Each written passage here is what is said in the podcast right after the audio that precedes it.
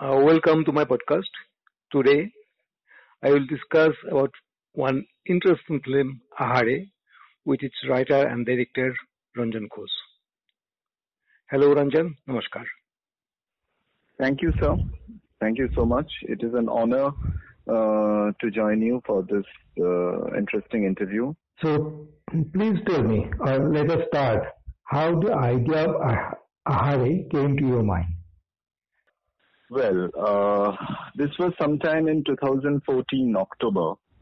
I remember that uh, after my first film, Hrid Majharey, had released and it was uh, uh, critically acclaimed and it ran for a month and a half. And I was thinking about my next story and next film and all that. And uh, I am a known foodie to all my friends, you know, and uh, but I cannot cook Mm-hmm. So one of my friends told me that uh, why don't you do something on this? He had told me a long time back that mm. you are such a foodie that you should do a food film. You know, you should mm. write a story on food film. So this was there in my mind.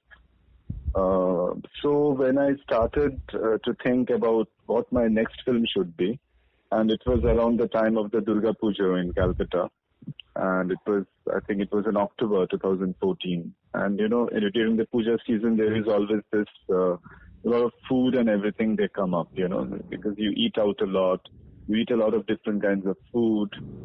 People cook. There are cooking competitions and all that. So the, then this germ that I should write a story on food.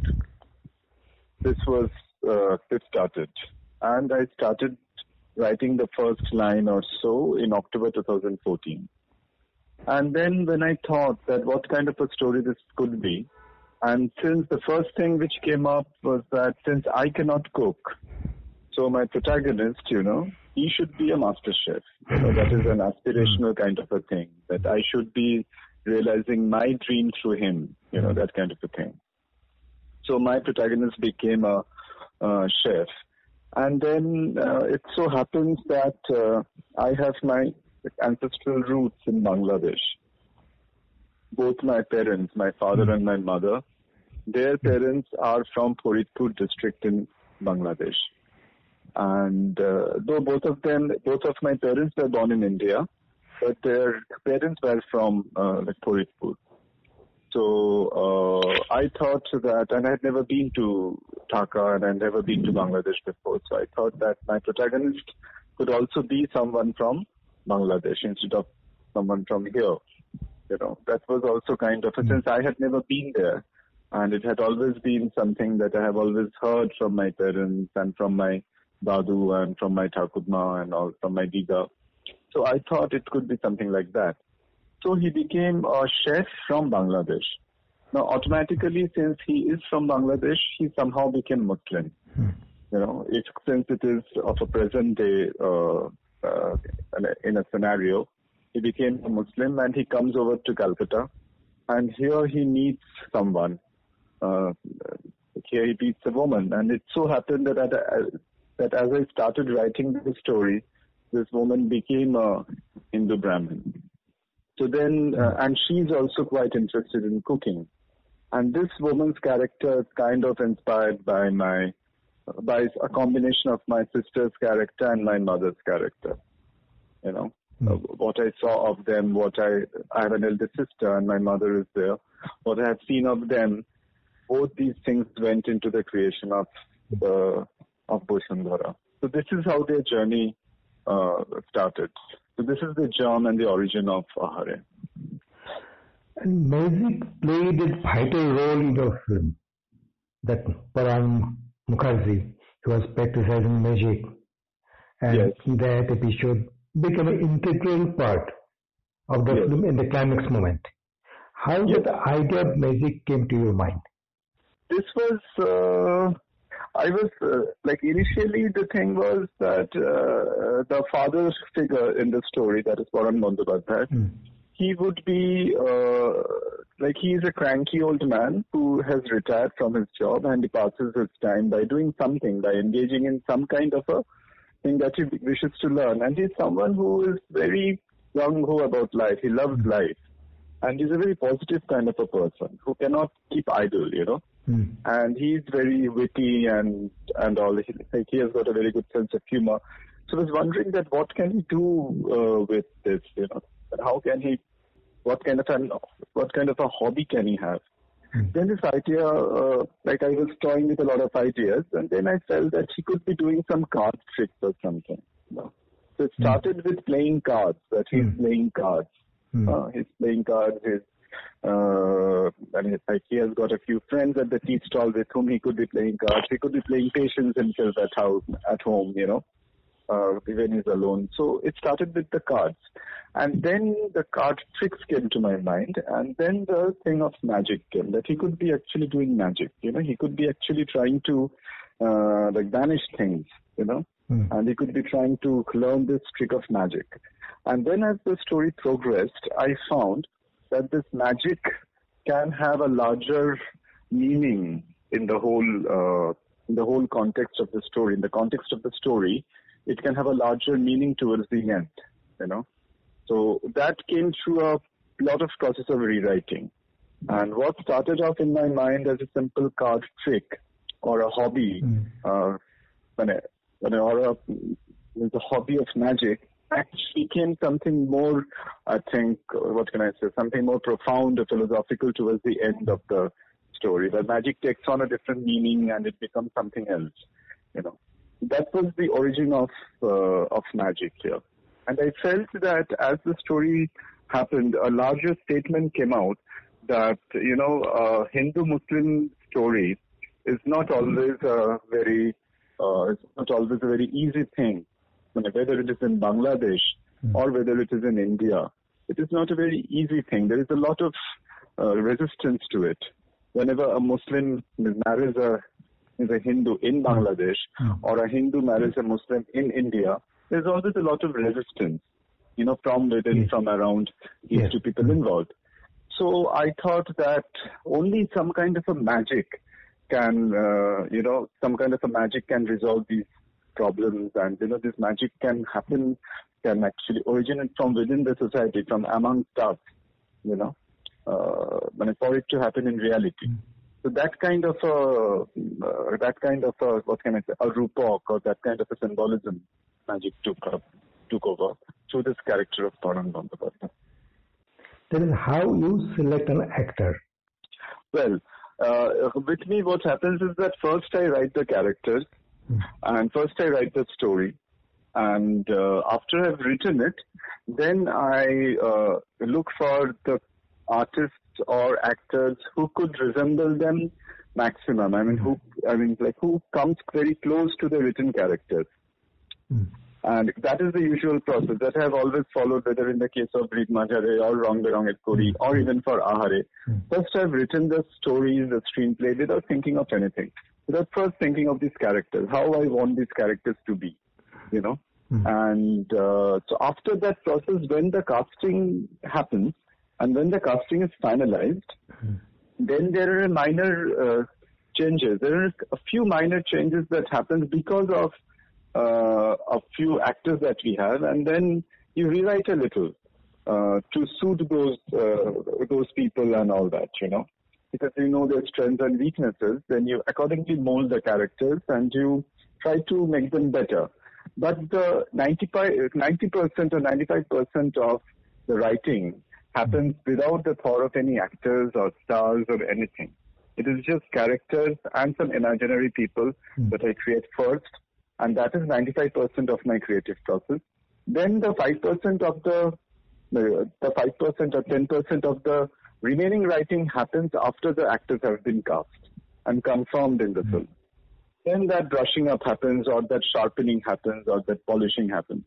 But I write without thinking of any actors in mind.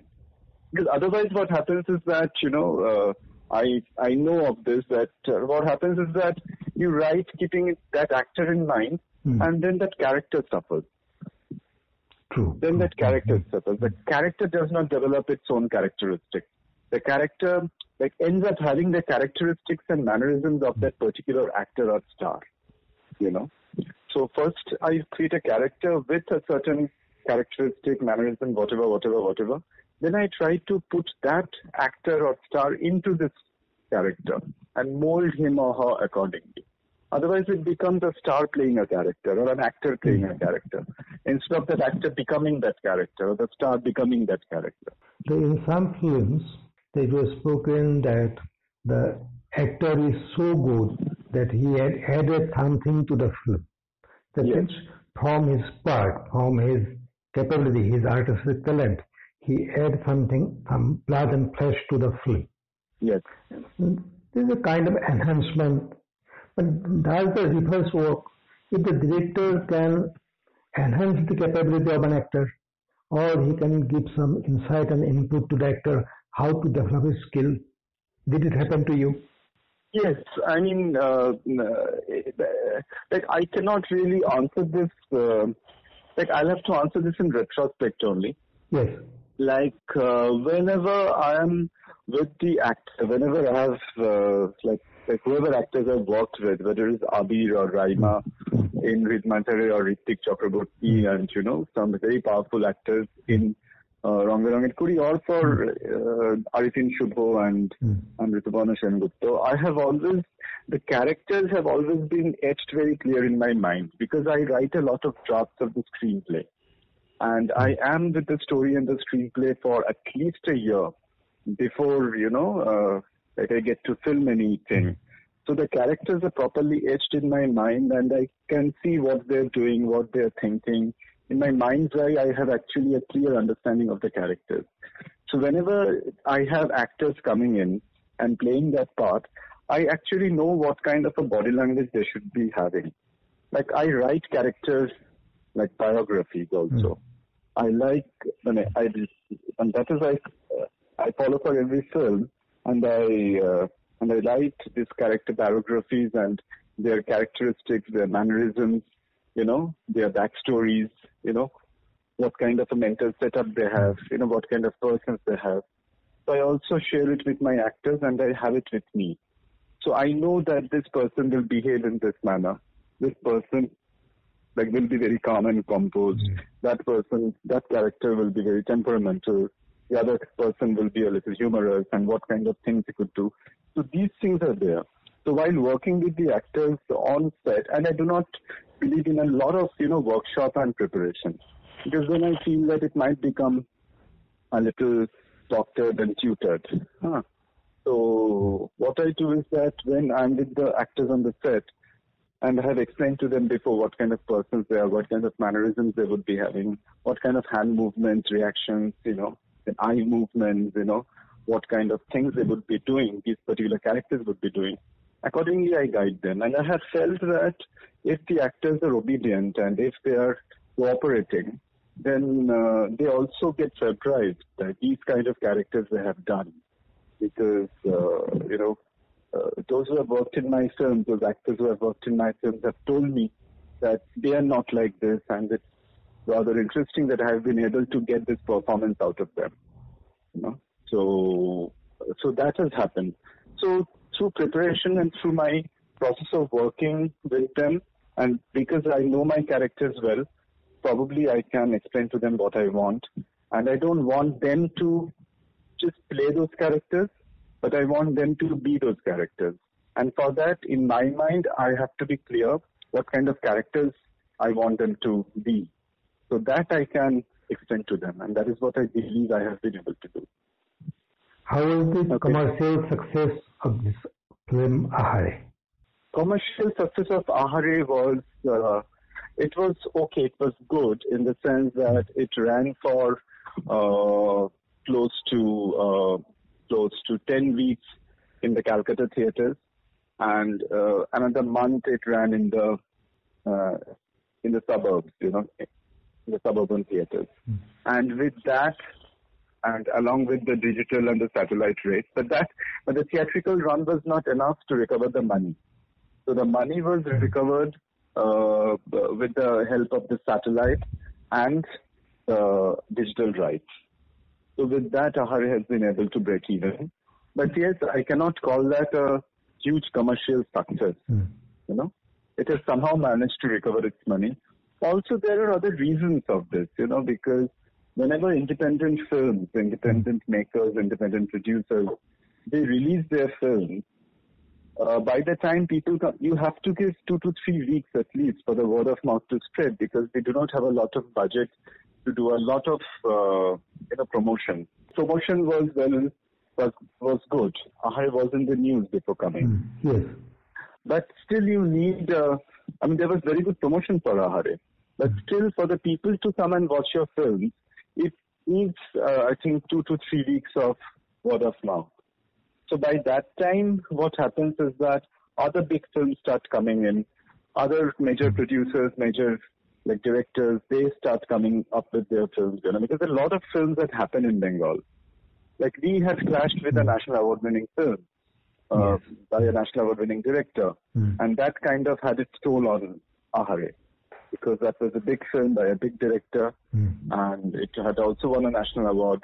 So a lot of people went watching that film. After that initial crowd was done, then they started coming for Ahare. So by that time, the two to three weeks of business was already lost.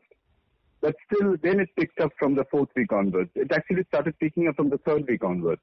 And then it went on for uh, another, I think, uh, 50 days at Nandan and in other theaters of Kolkata. So, you know, that is how it happened.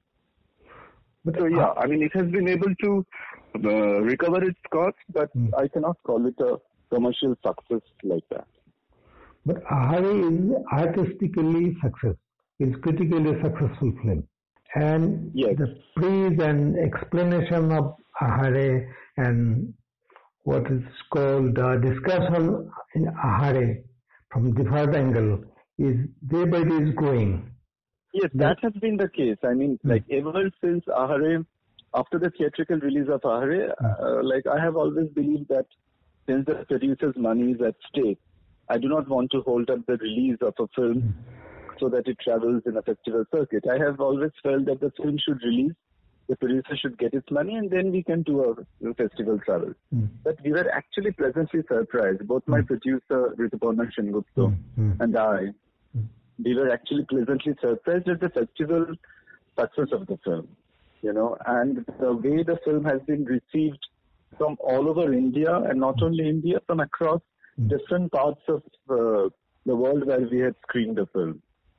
And the way the critics, the reviewers, mm. especially the critics from outside of Bengal, from outside of Calcutta, how they have reviewed the film, how they have been able to read the film, you know, and mm. you have been one of them that is something that we uh, that we are so grateful about because uh, that kind of reading did not happen in Bengal, and I'm very surprised why it did not happen in Bengal because Calcutta and Bengal they pride themselves like about their film knowledge, about their film education, about their film literacy, but somehow they missed getting the point of Ahare throughout. And only when uh, Ahare stepped out of Bengal and Calcutta that uh, critics and audiences lapped it up. So I was wondering why this uh, this intelligentsia of Calcutta and Bengal they missed getting the point. It is still a puzzle to me, but I'm very grateful to the people outside who from Kerala, from Assam, from Bangalore, from Tamil Nadu, you know, they have been able to grasp the film from Delhi, you know, uh, so that has been greatly satisfying, yeah. You know, in three films, Rituparna Sengupta played three different roles, and each and every role was different from each other. And she did it very well. She performed the characters very well. And may, may we or I hope that even Rituparna will come once again with a film together. Thank you so much, sir. I really uh, thank you for these kind words. And yes, I mean, it is an honor to work with Rituparna Sengupta. She's one of our national award winning mm-hmm. actors mm-hmm. and hugely talented mm-hmm. and hugely underutilized. And uh, she's also our last. Yes, under, yes, yes, yes, yes, I do agree. She's under, underutilized. But why don't yes. you take a chance to utilize her? that is the idea. Yeah. Yes, that is the plan to utilize her uh, to her fullest extent, and that is what we have decided that we would be doing for a few more films. Mm. So, and also the fact that uh, she is the last female Bengali superstar, you know, that yeah. we have here. So it is an hmm. honor to be collaborating with her on my films. So let's look forward for the future and see what is in store. I am eagerly waiting for that film. Thank you. Thank, Thank you, you, once so much, again. Sir. And We'll talk in another occasion on another aspects of Eurofil. Thank you, sir. Thank you very much.